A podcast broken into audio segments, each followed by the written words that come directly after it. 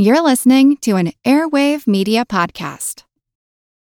This episode is brought to you by Shopify. Forget the frustration of picking commerce platforms when you switch your business to Shopify, the global commerce platform that supercharges your selling wherever you sell. With Shopify, you'll harness the same intuitive features, trusted apps, and powerful analytics used by the world's leading brands. Sign up today for your $1 per month trial period at shopify.com slash tech, all lowercase. That's shopify.com slash tech. When you need mealtime inspiration, it's worth shopping Kroger, where you'll find over 30,000 mouthwatering choices that excite your inner foodie. And no matter what tasty choice you make, you'll enjoy our everyday low prices, plus extra ways to save, like digital coupons worth over $600 each week. You can also save up to $1 off per gallon at the pump with fuel points. More savings and more inspiring flavors make shopping Kroger worth it every time. Kroger, fresh for everyone. Fuel restrictions apply. This is Kick Ass News. I'm Ben Mathis.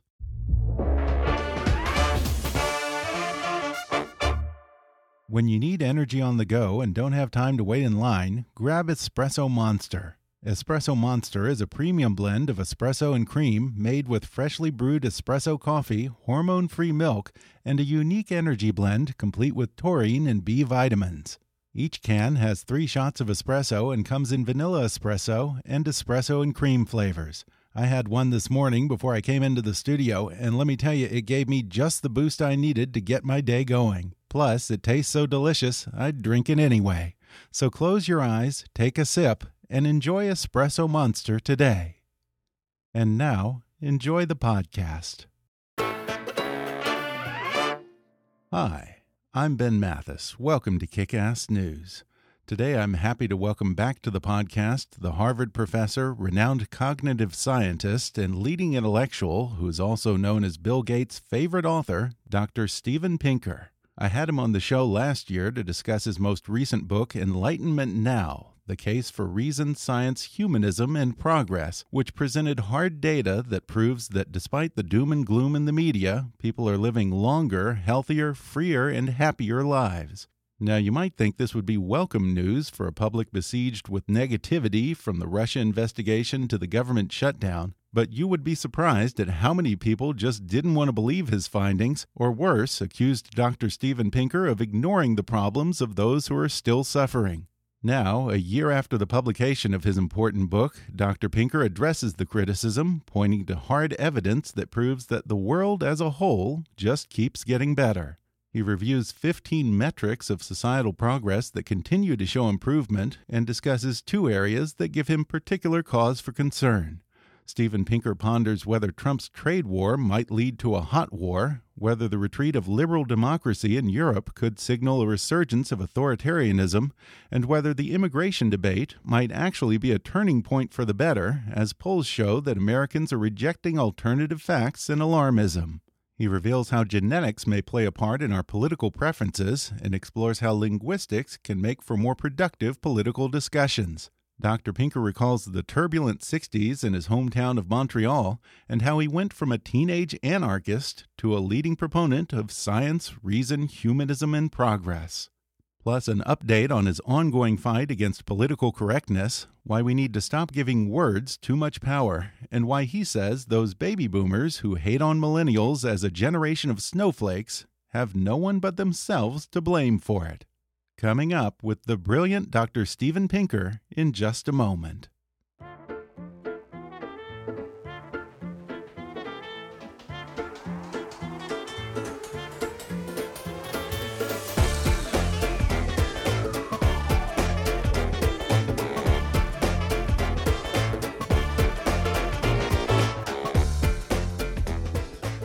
Dr. Steven Pinker is one of the world's leading authorities on language and the mind. The recipient of several major awards for his teaching, books, and scientific research, Pinker is Harvard College professor and Johnstone Family Professor of Psychology at Harvard University. His popular and highly praised books include The Stuff of Thought, The Blank Slate, Words and Rules How the Mind Works, The Language Instinct, The Better Angels of Our Nature, and Enlightenment Now The Case for Reason, Science, Humanism, and Progress, which is now available in paperback. Steven Pinker, thanks so much for coming back. Thanks for having me back. Well, it's almost a year since Enlightenment Now was published, and the book has received tons of praise, including from people like Bill Gates, who said, of course, that it was his new favorite book of all time, his first favorite book of all time being your previous book, The Better Angels of Our Nature. But you've also gotten some criticism since then, ranging from speculation that you might have cherry picked your data to accusations that you were maybe callously ignoring the plight of those who are suffering in the world you're no stranger to controversy. You've gotten some controversy around previous books, but were you prepared for how emotional some of the backlash has been? Well, one one friend wrote to me from uh, Oxford, a philosopher, and said, "You've made people's heads explode." and uh, you, you wouldn't think that a defense of reason, science, yeah. and humanism would be all that controversial in an era where most people think they need all the help they can get. Right. But yeah, it was controversial. for for a number of reasons, and uh, and I even wrote a piece just went up on the on the web the day before yesterday called "Enlightenment Wars."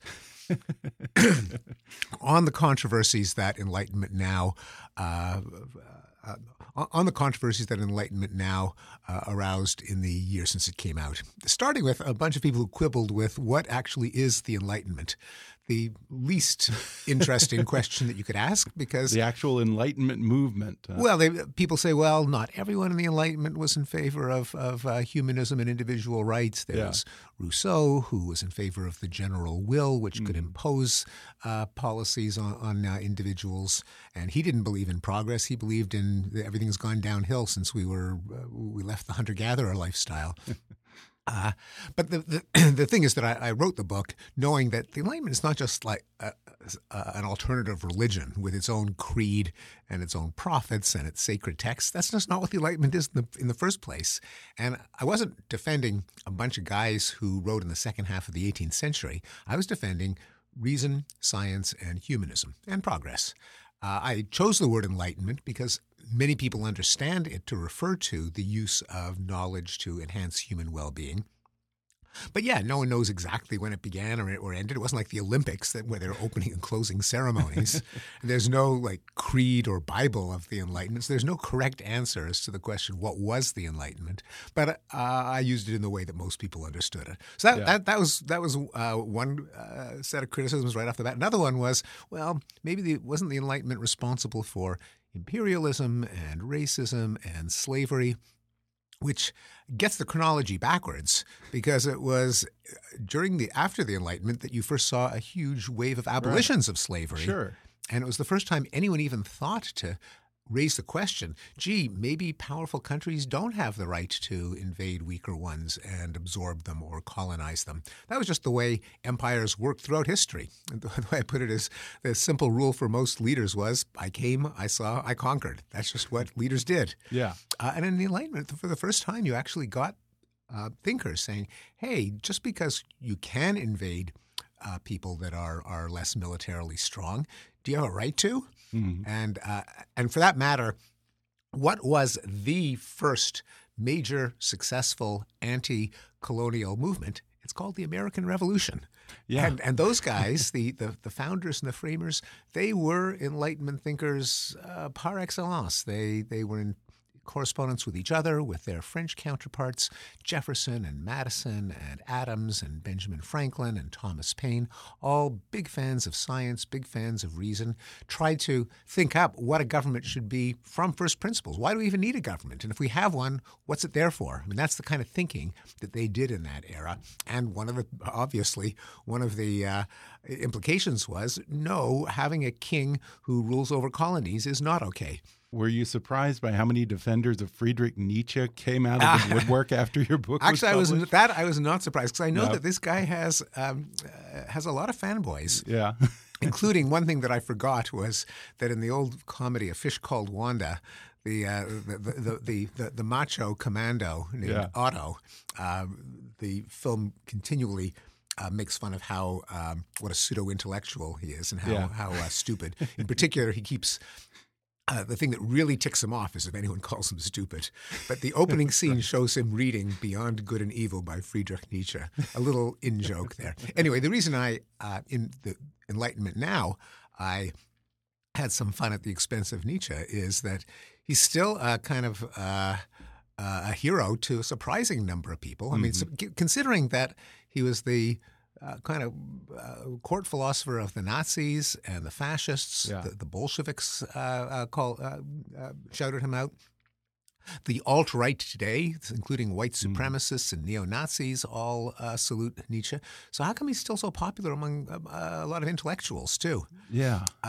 now his his thing, at least the thing that I went after him for, is that he believed that the well-being of individual human beings means nothing you know, men, women, and mm-hmm. children being healthy and happy and prosperous and educated. That's not what we should aim for. He said we should aim for the heroic achievements of geniuses and warriors and uh, supermen. I mean, Ubermenschen. I mean, he he coined the term Superman. Uh, not a guy with uh, tights and a cape, but someone a superior right. uh, kind of human. And it's his achievements that we should celebrate uh, and and to hell with the well-being of the the uh, the masses, the, the botched, the, the botched and the bungled, as he put it. Anyway, that's the opposite of humanism, right? And I, uh, I, I noted that. I said, if you want, if you want to know what is it, the, the reason I even brought it up is people say, well, humanism, like you know, people should be healthy and happy. Everyone's in favor of that. That's like mm-hmm. being in favor of motherhood. That's not sure. saying anything. And I say, no, actually, it is a distinctive philosophy. And if you don't believe me, consider the opposite. And the opposite yeah, would be, say, true. Nietzsche, and continues to be popular.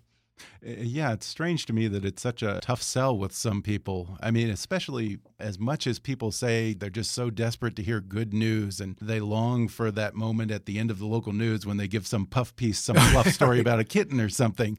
Here you come out with great news, an optimistic view of where the world is going and where we've come from, and it's evidence based and uh, people are offended. Who, who, yeah, they're, they're, yeah, not just angry. take issue with it or don't don't don't take to it, but are yeah, offended. You're you right. And it's not that there aren't problems. Uh, there are there are severe problems. There's climate change. There's mm -hmm. the there's a possibility of nuclear war. There's a, um, if, if Donald Trump in the in the White House pushing back on a lot of these drivers yeah. of progress, such as environmental quality and uh, free trade and international cooperation.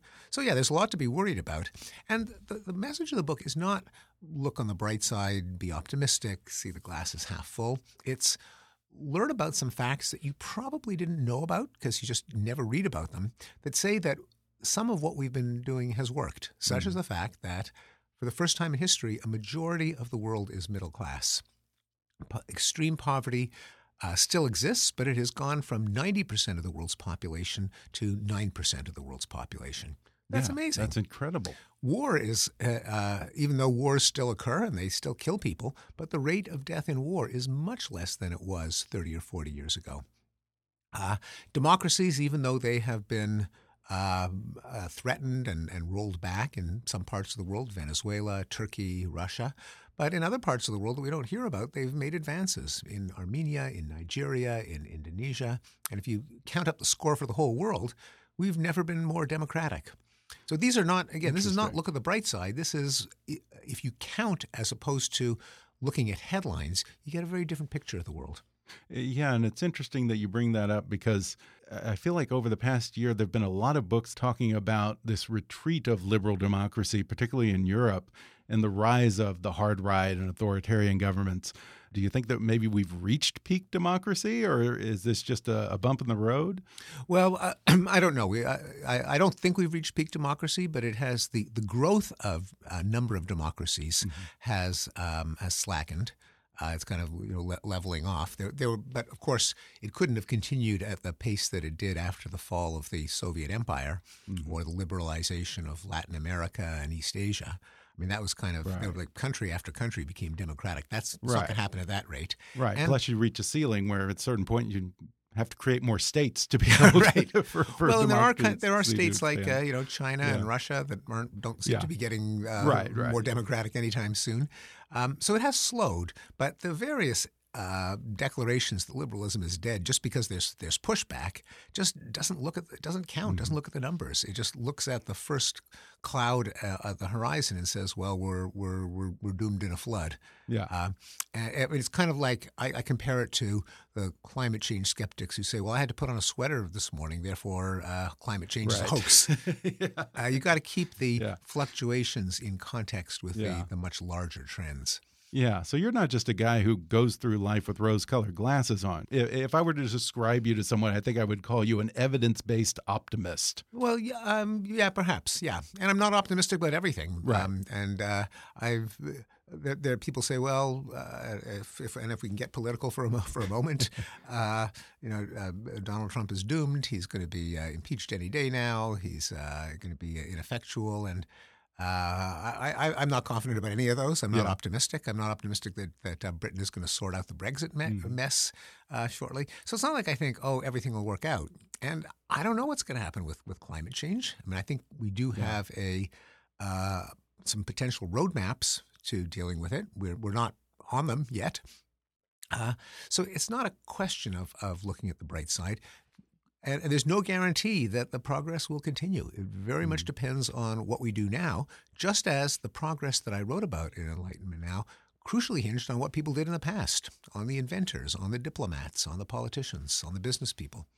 Uh, Yeah, and it's interesting that you've become sort of famous for being this optimist who talks about civilization and progress because at a certain point I read that when you were young, you were actually described yourself as an anarchist. Well, briefly, I went through an, an anarchist uh, phase when I was a teenager. I mean, it was Yeah. it was the '60s. I mean, that's, Yeah. that's what people Okay. did, and I had a, especially a friend who pushed it very hard. I like to tell the story that what cured me of my anarchism was um, a, kind of argument I had with my parents over the dinner table, and they said, uh, you know, I said, well, people are, are cooperative. They don't they don't need. Uh, men with guns to, to, to prevent them from killing each other. I mean, killing each other is just obviously immoral and, and irrational. And it's only because we have governments that force people to declare what their property is that people start to fight over it. Otherwise, people would just share. They said, "Well, what do you think would happen if the uh, police ever vanished?" I said, "Well, people would. Uh, who needs the police? People would just cooperate. I mean, you know, this was the late '60s, but this was in Montreal where I grew up, Oh, okay. and in Montreal." Every public sector sooner or later goes on strike. Mm-hmm. You know, one month it's the the, the, the, the letter carriers, then it's the nurses, then it's the uh, you know the firefighters. Well, anyway, one time the policemen went on strike, and within hours uh, there were riots, there were uh, shootings, there were Really? lootings down downtown. They had to call in the Mounties to restore order. so that that kind of Wow. uh, you know, not for the first time. You know, mom and dad were right, and their their know-it-all son, son was wrong. Yeah. And uh, I, I I like to tell that story. Something that gave me an appreciation that maybe a, uh, a government isn't such a bad Yeah. thing after all. So the turbulent 60s were turbulent in Canada as well. Because I guess for some reason, probably because you know we always think of the draft dodgers or whatever, the conscientious objectors who went off during Vietnam to Canada. In America, we think of Canada as being uh, a, a little bit more uh, pacifistic. Well, no, no, it, and, and, it, and it was. I mean, Canada did not have urban riots in the '60s. It did not. Uh, it was not involved in uh, in Vietnam.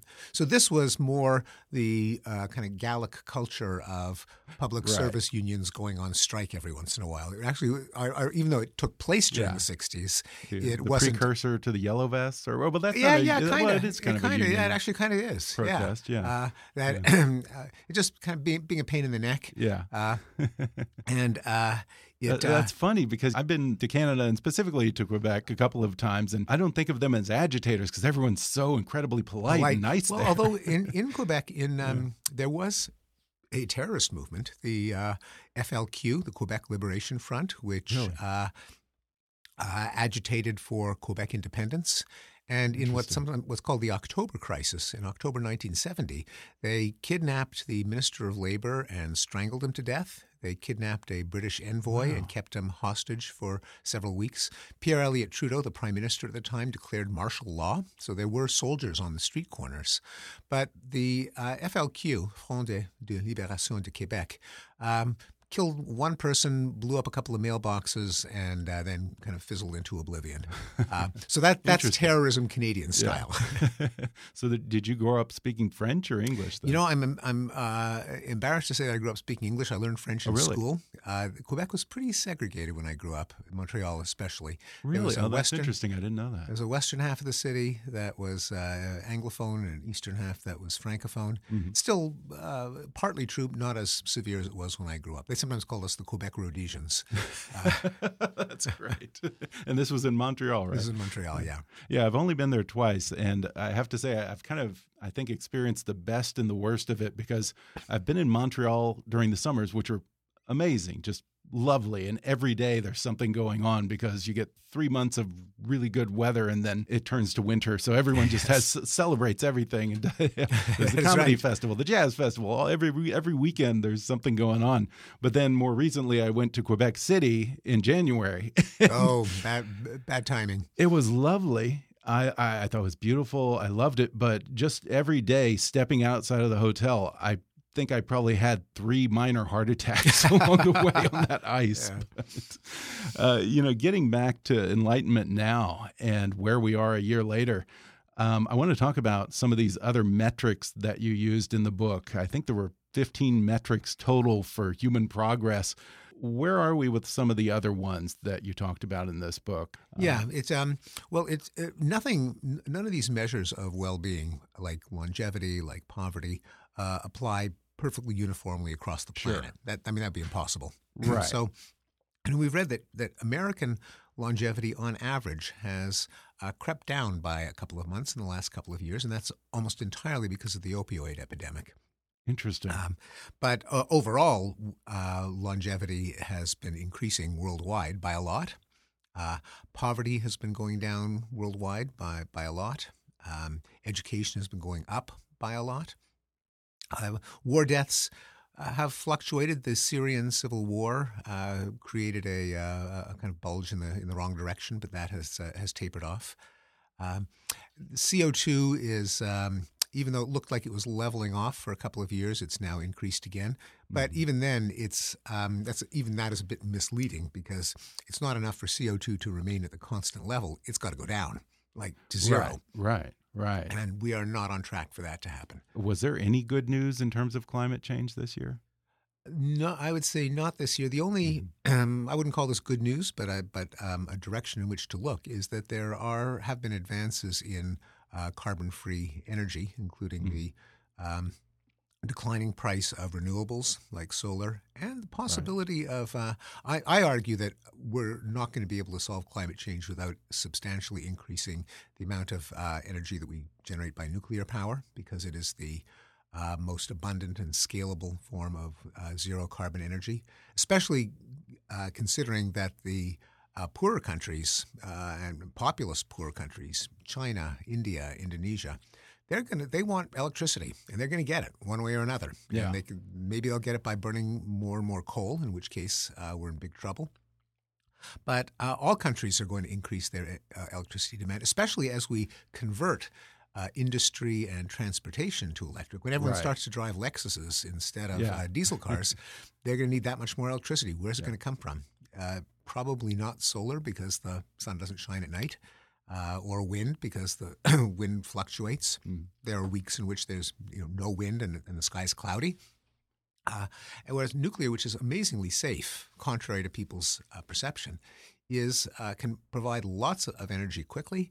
And anyway, you asked about what is um, positive, and what's positive is that there are technologies that are even mm. cheaper than today's nuclear uh, and more abundant. Poss- fusion power, which okay. was for yeah. decades kind of science fiction. There's yeah. been a breakthrough at MIT. Small modular reactors, which would be cranked out on an assembly line rather than uh, built uh, over a span of a decade. Uh, there, there have been technological advances. Uh, so that's those are the directions that, that I think we have to look in. Now, the other area that you expressed some concern about in your book was nuclear war. From the looks of it, it seems like maybe things are on the upswing. Within a few months, we went from probably when you and I were talking, Donald Trump hate tweeting Kim Jong Un and saying that they was going to unleash fire and fury to the summit in Singapore and at least the appearance of a détente. was that cause enough to turn back the doomsday clock a few minutes? Uh, well, the doomsday clock is a publicity gimmick, so right. it doesn't isn't really calibrated enough. to the threat. It's their their Yeah. chance to get some publicity for nuclear disarmament once a year. Um, it, it's hard to say because the, the problem is that we've got such a mercurial leader Mm-hmm. uh, that uh, we don't know what it would take for him to return to fire and fury in, in his rhetoric. More dangerous than the than the than the words and the tweets would be something like the the idea from John Bolton, who's now the national security advisor, to give North Korea a bloody nose. That was the term of about a year Right. ago. A limited strike just to show that we mean business.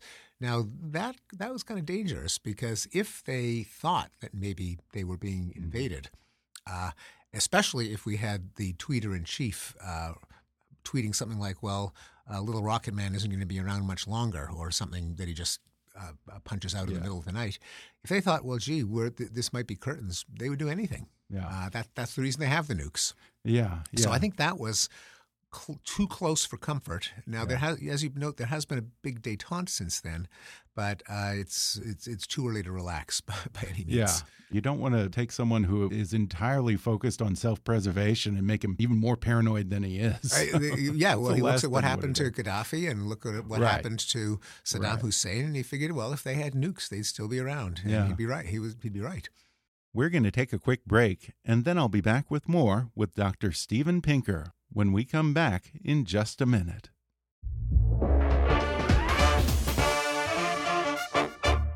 In today's age, it can be hard to find the time to sit down and learn more, especially when the likes of social media can be so addictive and time consuming. So you may think you don't have time to read a book or to develop yourself. Well, think again. Blinkist is the only app that condenses thousands of nonfiction books into the best key takeaways and need to know information, so you can read or listen to them in just 15 minutes. 8 million people are using Blinkist right now, and it has a massive and growing library, from self help, business, and health to history books. Now, I read a lot of books for interviews on this podcast, and that takes up a large part of my day. But with Blinkist, I can get the most important points of a book, which prepares me for my interviews in less time and really makes me a more intelligent, informed, healthy me. Plus, I'm an auditory learner, so being able to listen with Blinkist suits me perfectly.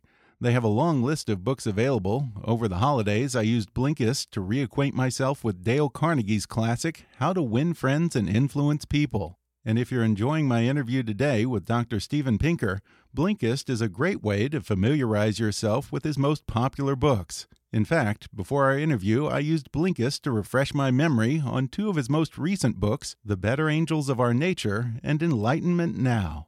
And right now, for a limited time, Blinkist has a special offer just for my audience. Go to Blinkist.com slash kick to start your free seven-day trial. That's Blinkist, spelled B-L-I-N-K-I-S-T, Blinkist.com slash kick to start your free seven-day trial. One more time, that's Blinkist.com slash kick. And now, back to the show. I mentioned that one of your biggest fans is Bill Gates, but he's also argued that you might be too optimistic about artificial intelligence. And it's not just Bill Gates, but Elon Musk, I think Bezos, and a number of tech moguls who have been cautious, if not outright dystopian about AI. Uh, why are you less concerned? Yeah, I don't think this is one of the uh, humanity's big big problems. For one thing, I think some of the doomsday scenarios uh, confuse intelligence with uh, with dominance. They kind of look at uh, at humans, particularly um, uh, alpha males, and think, well, we're the smartest uh, species, and we also tend to colonize other countries and and and. Uh, uh, control animals. So if we built a, an artificial intelligence and it was smarter than us, then it would turn us into pets or slaves. and I think that's just a confusion Yeah. that just being able, having the means to bring about a goal does not say what those goals are. And it just so happens that in Homo sapiens, we're products of evolution, of Darwinian natural selection. So, bundled in the human brain is a certain amount of intelligence and a certain amount of uh, ambition, of thirst to, to dominate, but they're completely separate. And unless you build a urge to dominate into an, uh, a robot, it's not going to develop it. Just like your Interesting.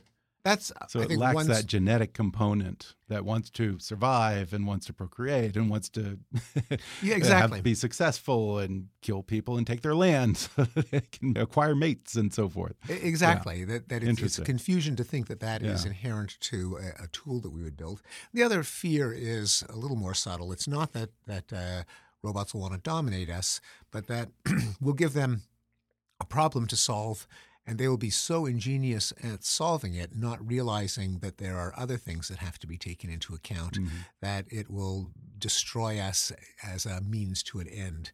So, in, in one semi serious scenario, if we gave an artificial intelligence system the goal of, of building, uh, making paper clips, it would just uh, use all the raw, raw materials around it to make uh, everything into a paperclip, including us.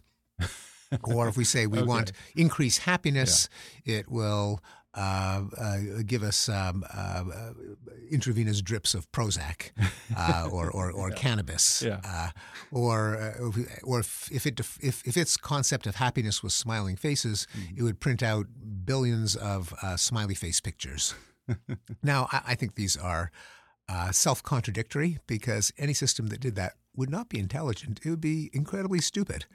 Uh, Yeah. Because intelligence consists of satisfying multiple goals at the same time. Mm-hmm. When you, you build a car, you don't just build it to go as fast as possible, you also build in brakes and a steering wheel.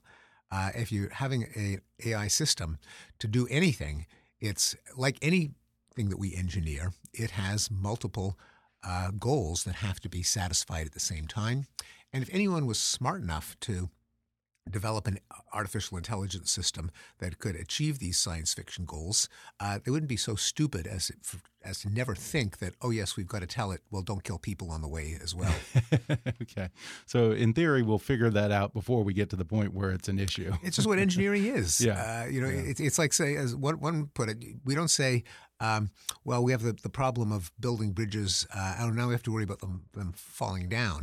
Uh, it- A bridge is something that doesn't fall down. Mhm. Uh, and it's the very definition of engineering Yeah. as an, as, a, as, as an en- artificial intelligence is an engineering problem that says that we uh, are going to build it so that it uh, satisfies multiple uh, constraints. Yeah. Now, last year we spoke about fake news and not having a shared agreement on facts. Um, it seemed a lot like we were losing that battle, and people were using the term that you abhor, the post truth era at the time. Uh, our conversation even kind of had the feel of two people girding themselves for some kind of a long, hard fight at that point. I wonder has what's happened over the past month with the debate over the border wall and immigration changed that? Because when I look at the polls on the issue, it seems like the facts are finally starting to win the day again. That, that's quite possible. And the thing about facts is they uh, don't go away even when you stop believing in them. Yeah. Um, so there is, uh, so in the battle between propaganda and truth, uh, uh, lies and reality, there is an advantage that the truth has. Uh, it, it always will be the truth, and there'll always be people who would, who want to know what the truth is. Not everyone about everything. Uh, but as Abe Lincoln said, you can fool uh, some of the people all of the time, and all the people some of the time. It's a lot harder to fool all the people all the time. Yeah. Uh, and even the f- fake news during the 2016 election, a very close uh, election in terms of the Electoral College, and possibly a few thousand votes here or there made a difference. But a political scientist named Brendan Nyhan actually did an analysis of fake news in 2016. He found that a tiny fraction of the social media chatter was fake. Uh, a lot of that did not reach um, uh, people who uh, were were uh, swing voters, and uh, the vast majority of people who saw fake news could not have been persuaded by anything. Uh, you know, there are people who are going to vote Democrat no matter what, or Republican no matter what. They can get all the fake news you send them; they're just not going to change their minds. Even even uh, noted. Academic studies of the effect of campaign ads show that it's not easy to change people's minds even with campaign ads let alone a tweet that says, you know, Hillary ran a child sex ring out of a pizzeria. Right. Uh, that just doesn't change a whole lot of minds because most people's minds aren't that easy to change, unfortunately. Well, there's been some debate about how effective the Russian influence campaign really was. And I've heard some people who say that it was wildly effective on social media, and some saying that, you know, they bought a few thousand worth of Facebook ads and it didn't really change any minds. It didn't really get amplified to the degree that we think. Are you saying that maybe the effect of that was exaggerated? Well, Nyhan's analysis would suggest that, mm-hmm. although in a very close election like the one that we had, it's conceivable that it made a difference. Yeah. But in general, it's not as if it, this is going that Facebook's going to kill democracy, as mm-hmm. uh, so many people have said. Yeah. Is it hard to promote reason and critical thinking in this day and age? Because it seems to me that uh, not even just today, but it, just by human nature, everyone thinks that they're a reasonable person. Everyone thinks right. that they have good critical thinking skills and reasoning skills. Uh, how do you combat that if no one thinks that they're the problem? Yeah, yeah you're absolutely right. And of course, one of the biggest failures of critical thinking is to think that uh, you think critically and no one else does. Right. and if, you know, if everyone thinks that, they can't all be right. Yeah. Indeed. So we have to be, and it, it, this is an unsolved problem, how we get uh, standards of rationality to proliferate more widely, how we get them, them they themselves to go viral. Some of it is that uh, you know, awareness of the fact that humans are are biased, are are uh, often you know, in the wrong. That itself is it's um, a lesson from cognitive psychology mm-hmm. that is only starting to kind of penetrate the culture at large. Uh, the findings of say Daniel Kahneman and Amos Tversky from his his Kahneman's bestseller Thinking Fast and Slow, and and even um, newer insight that is not discussed much, but I make a, a lot of. Uh, uh, in, in Enlightenment now is that probably the biggest source of fallacies isn't because our minds are limited in how much they can process information. Because our CPU is too slow, or, mm-hmm. or we have you know, bottlenecks in the brain in terms of how much information can pass through. Uh, the problem is that we tend to affiliate with cultural and political tribes. Right. When we do, we filter everything so that what glorifies our side uh, we, we, we like, uh, what would seem to uh, put it in a bad light, we blow off. Yeah. And that by far is the biggest source of irrationality in the political sphere. It's just, it's the my side bias. My side is true and right and correct, and your side is mm-hmm. wrong and evil. Uh, yeah, it seems like we're getting to the point where we just treat news and information as a way to gain more ammunition. Exactly. We're, we're instead we're, of actually trying to learn something. Exactly. We act like yeah. like lawyers, not like scientists. Yeah. Yeah. Exactly. Yeah. In talking about that, it makes me think of some research that you did earlier that dealt with psycholinguistics and the psychology of cooperation. Um, I wonder, is there a language of consensus or, or linguistic strategies for more effective political discussions? Well, sometimes, ironically, it's the language of, of innuendo and euphemism, and really? uh, and uh, kind of beating around the bush. We we often attack politicians because they're so wishy washy. You can never mm-hmm. pin them down. They don't say anything. Well, we have our wish. We have a president now who is not wishy washy. he says what, what he means. Yeah. Uh, the, the big difference is that a politician who seeks consensus will often take great pains to avoid alienating some major mm-hmm. constituency. So she or he will use language where no one is sure that it actually um, uh, attacks what they believe. And indeed, the problem with uh, politicians getting too specific is then the press pounces on them, uh, as in the old definition of a gaffe in Washington from Michael Kinsley, which is that a gaffe is when a politician says something that's true. Yeah, yeah, that's true. So there yeah. is a cost that po- Democratic politicians yeah. pay for speaking to um, uh, bluntly. There's an art of uh, political um, uh, euphemism. Mm-hmm. Uh, what we have now in the White House is a politician who's just decided that he doesn't mind alienating huge constituencies yeah. as long as he rallies his base around him. So it's unusual. That's often not a strategy to victory at the ballot box. In his case, it was, and he's stuck with it. Most other politicians try to assemble uh, a, a, somewhat uh, mm. diverse coalition of people who don't agree with each other on everything. So you got to make sure you don't let loose the one statement that will uh, cause one one of your constituencies to write you off.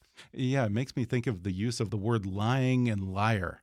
Used to be that politicians would use any other euphemism for a liar to describe their opponent. They, yes. You know, they would never say, "Oh, that guy lied." They would say he was disingenuous, he was playing games with the truth, and so forth. Suddenly, this guy out of nowhere comes out there and just starts calling everyone liars and lying Well, Ted and so forth. And it seems that it was effective. Ironically enough, given that the uh, political Right. fact-checking organizations Right, yeah. Yeah. show him as off the scale Yeah. in terms of uh, verifiable untruths.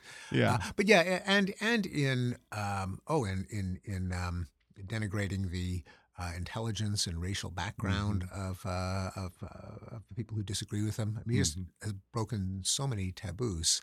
Uh, and the surprise, I think, to all of us is that you could be a successful politician despite Yeah. being happy to write off huge uh, sectors of, of the uh, population.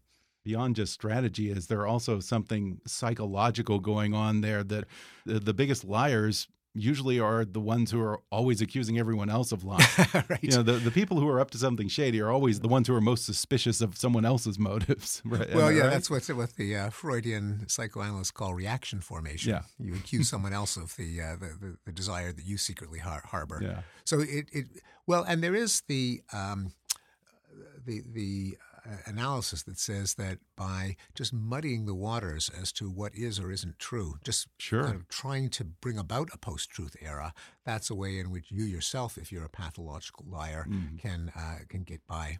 in Better Angels, you described how self control curbs violent behavior and how it can be learned and strengthened. And you talk about how uh, in criminals or violent criminals, the prefrontal cortex is smaller.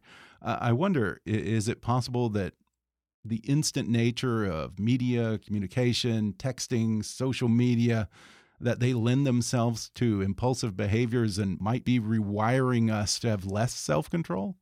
Uh, I'm I'm not sure. Certainly, uh, the um, ability to strengthen self control uh, is something that varies from time to time and place to place. I'm not sure that social media. Um, lead to a general weakening of self-control across the board. I think the biggest weakening took place in the '60s. Oh, really? Uh, well, for one thing, that was the era in which it was actually positively stated in the culture that self-control was a bad thing. That uh, Right. you've got to Yeah. you've got to let it all hang out. You've got to release your inhibitions. That if you're too inhibited, you'll be neurotic and uptight, and it will burst out in in, in other ways. Uh, that you've got to be spontaneous. You've got to be free. You've got to do your own thing. So that was the cultural ethos, and you can see it in uh, the the popular music of the era, in the the buttons and posters and uh, slogans. Uh, but and it also was an era in which violence went went through the roof. Uh, A lot of people don't realize that in the '60s the the uh, murder rate uh, increased by Right. more than doubled, Right. and, and the rate of rape and Yeah. assault. And it, um, and I think not coincidentally, it was an era in which self control was considered uh, uptight and repressive, and that the worst thing you could be is a well behaved suburbanite bringing up your kids in a safe neighborhood. You had to you know, walk on the wild side. And well, people walked on the wild side, Yeah. and there were a lot of rapes and murders. so now, you know, the, the violent crime rate uh, plunged starting in the 90s, and it uh, crept up a little bit in, in 14 and 15. Now it seems to have, have, have leveled off. And um, uh, interestingly, by a lot of other measures, the uh, younger generations, the millennials and the generation after the millennials, Generation Z or, or iGen, uh, seem to be, in some ways, kind of uptight and repressed and less violent. Well, they less uh, um, unprotected sex, less teenage pregnancy, fewer car accidents, less violent crime. Uh, the, the there are I think some panicky stories about how screwed up the uh, the, the Generation Z is, uh, certainly exaggerated. But when it comes to uh, impulse control, uh, it's really the baby boomers that are the, the pathological generation. Really? Yeah, That is so well, fascinating. the baby boomers were a crime-prone generation. Yeah. Uh, uh, much more so than the Yeah. uh, the millennials or the uh, the iGen. And I think recently you wrote an article where you actually blame the baby boomers for the whole snowflake generation that we see now. And well, that's that's is- something you've dealt you've dealt with yourself over the past number of years here, political correctness and deplatforming speakers and so forth. Indeed, and I think you know there's there's blame to go around across Mm-hmm. the generations. But the thing is, even if it's the uh, maligned millennials who are deplatforming speakers, it's the baby boomer deans who are patting them on the head and say, uh, Ah, "Oh, good for you! You're fighting for social justice." Yeah. uh, and and certainly in the baby boomers' heyday, there was a lot. There was some deplatforming. My Mm-hmm. colleague uh, E.O. Wilson, of who wrote the book Sociobiology, uh, people brought noisemakers to his lectures. They drowned him out. Someone uh, doused him with a pitcher of ice water at a scientific conference. Uh, another of my uh, uh, late colleague, uh, Richard Herrnstein, was uh, deplatformed multiple times. And this was in the uh, 70s. Uh, so it, it started with the baby boomers, and all those protesters are now uh, deans of student life. Interesting. Now, in one of your earlier books, I want to say it was The Stuff of Thought, you talked about how words take on meaning and lose meaning over time. Um, it's strange to say this, I guess, to a linguist, but is it possible that today's generation gives words too much power? Um, you, you know, it's funny in, in, in some ways, in terms of the um, uh, sensitivities around any kind of word for derogatory word for racial minorities. Uh, in uh, the, uh, I'll, I'll just give an example of this kind of word magic. The idea that words themselves can can cast uh, evil evil spells. You know, like kind of you know Yeah. abracadabra, and uh, you knock wood after you say. Uh, something might uh, is going too well because you don't attempt the evil Right. eye and you know curses and prayers. People generally do believe that words have causal power, magical power. And it was the scientific revolution that said words are words. But an example, this is a real life example. There's a, an organization of artificial intelligence called the Neural Information Processing Society. It goes back to the 80s, called NIPS. Uh, it's been around for a long time. Well, all of a sudden, someone said, well, NIPS, that's a sexist term. Uh, and it's promoting harassment. And uh, a group of uh, younger members got them to change their name to NeurIPS, Oh, interesting. Neural Information Wait, Processing why was it? Sorry, why was it? Uh, it, it, it was a sexist term because it had nipples, or Exactly. Oh, Now, but wait, isn't isn't that also a racist term for? I don't well, know, it, actually, it was racist term. For long, to, yeah, actually, it, it was a racist term. Asians or something? Actually, it was a racist Yeah. term in the uh, 40s and 50s, early 60s for, for Japanese. Right, right, Because right, the, yeah. the Japanese term for Japan is Nippon. yeah. Uh, Okay. That. That that Okay. actually wasn't what. Uh, That wasn't what them. No, concerned no, people. It was Okay. that it sounds like nipples, and so it would denigrate women, even though you know men have nipples. Right. Yeah. And- exactly. And, and Animals the have nipples, that women have are, are not, you know, they're not sexual organs. They are organs of, of lactation. And it, in fact, feminists used to say that it is sexist to treat female anatomy in through the male eye as as, uh, as if the female body evolved just for male sexual gratification. So I think this was topsy turvy, and it was a, it, it kind of contributed to making academia a laughing stock. Mm-hmm. But it, you're right; it is an example of thinking that words uh, have have these magical powers. Uh, Yeah, and that brings to mind also some of the controversy that came out of your book, The Blank Slate, similar to what you've seen after uh, Enlightenment Now.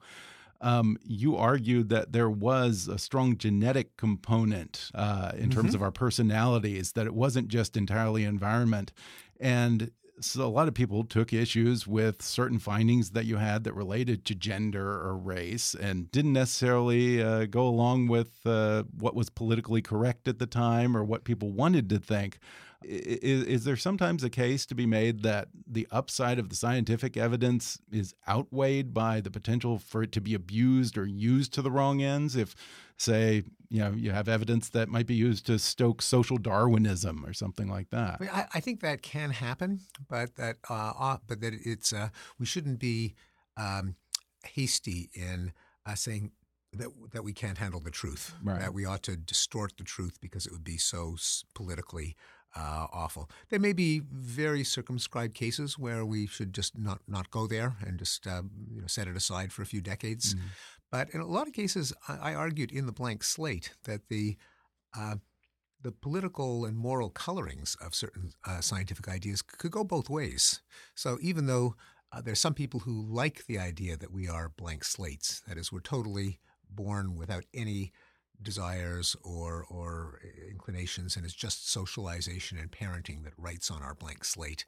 and there, there's sort of a vague idea. Well, that would be more socially progressive because then we could engineer society to produce a, a better kind of person. That we could bring up little boys so they're not as aggressive and people wouldn't be as selfish.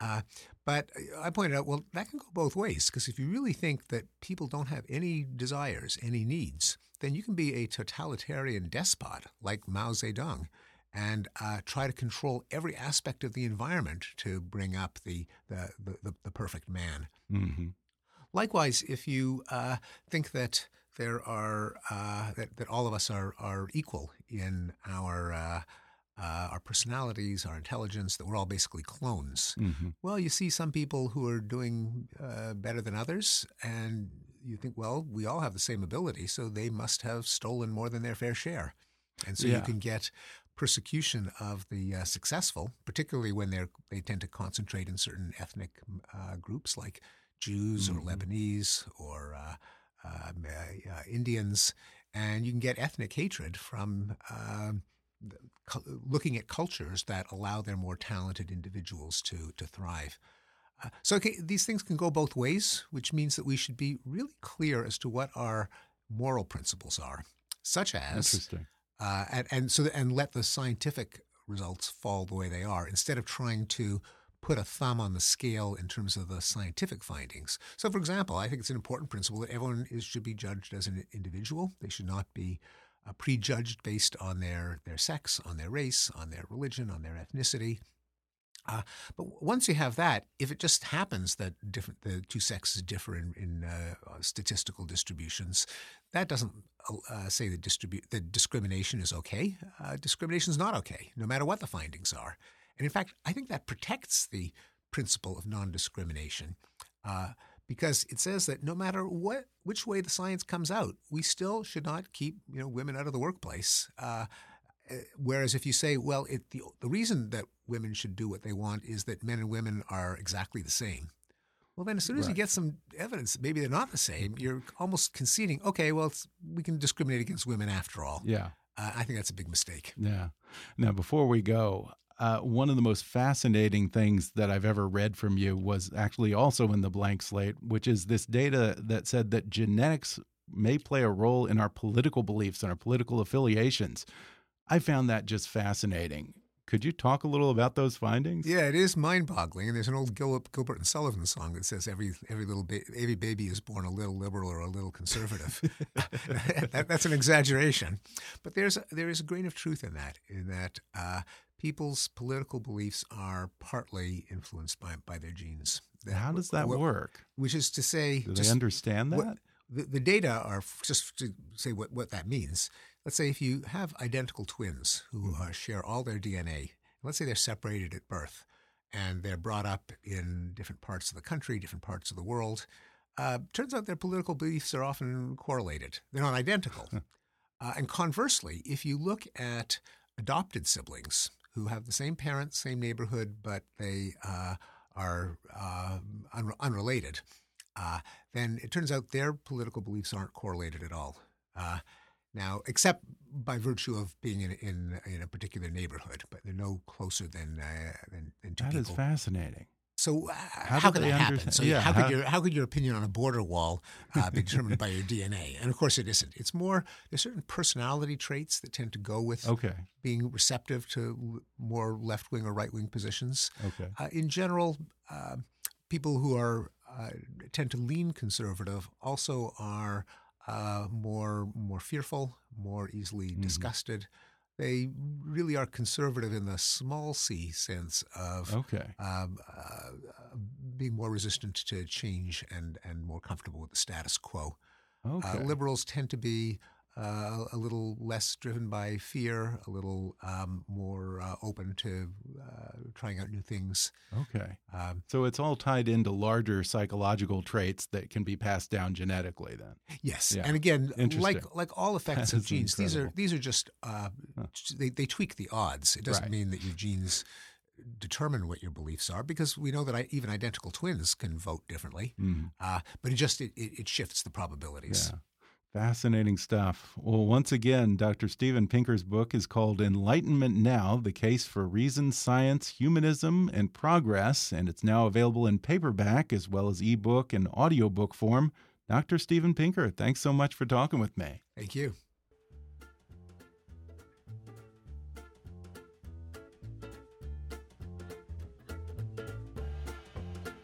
Thanks again to Dr. Steven Pinker for returning to the podcast. Follow him on Twitter at, at sapinker or at stevenpinker.com.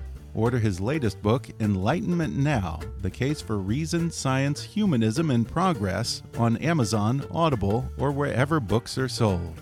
And if you want to get the gist of Dr. Steven Pinker's most famous books, let me tell you about a great app called Blinkist. Because let's face it, in today's age, it can be hard to sit down and learn more. You may think that you don't have time to read a book. Well, think again. Blinkist is the only app that condenses thousands of nonfiction books into the best key takeaways, so you can read or listen to them in just 15 minutes. If you enjoyed today's interview with my guest, Dr. Steven Pinker, then go to Blinkist and read or listen to their summaries of his most popular books, including Enlightenment Now, The Better Angels of Our Nature, and The Blank Slate. And right now, for a limited time, Blinkist has a special offer just for my listeners. Go to Blinkist.com slash kick to start your free seven-day trial. That's Blinkist, spelled B-L-I-N-K-I-S-T Blinkist.com slash kick to start your free seven-day trial. One more time, that's Blinkist.com slash kick. If you haven't already, be sure to subscribe to Kickass News on iTunes and leave us a review. You can follow us on Facebook or on Twitter at, at KickassNewsPod. And as always, I welcome your comments, questions, and ideas at comments at kickassnews.com. I'm Ben Mathis, and thanks for listening to Kick Ass News.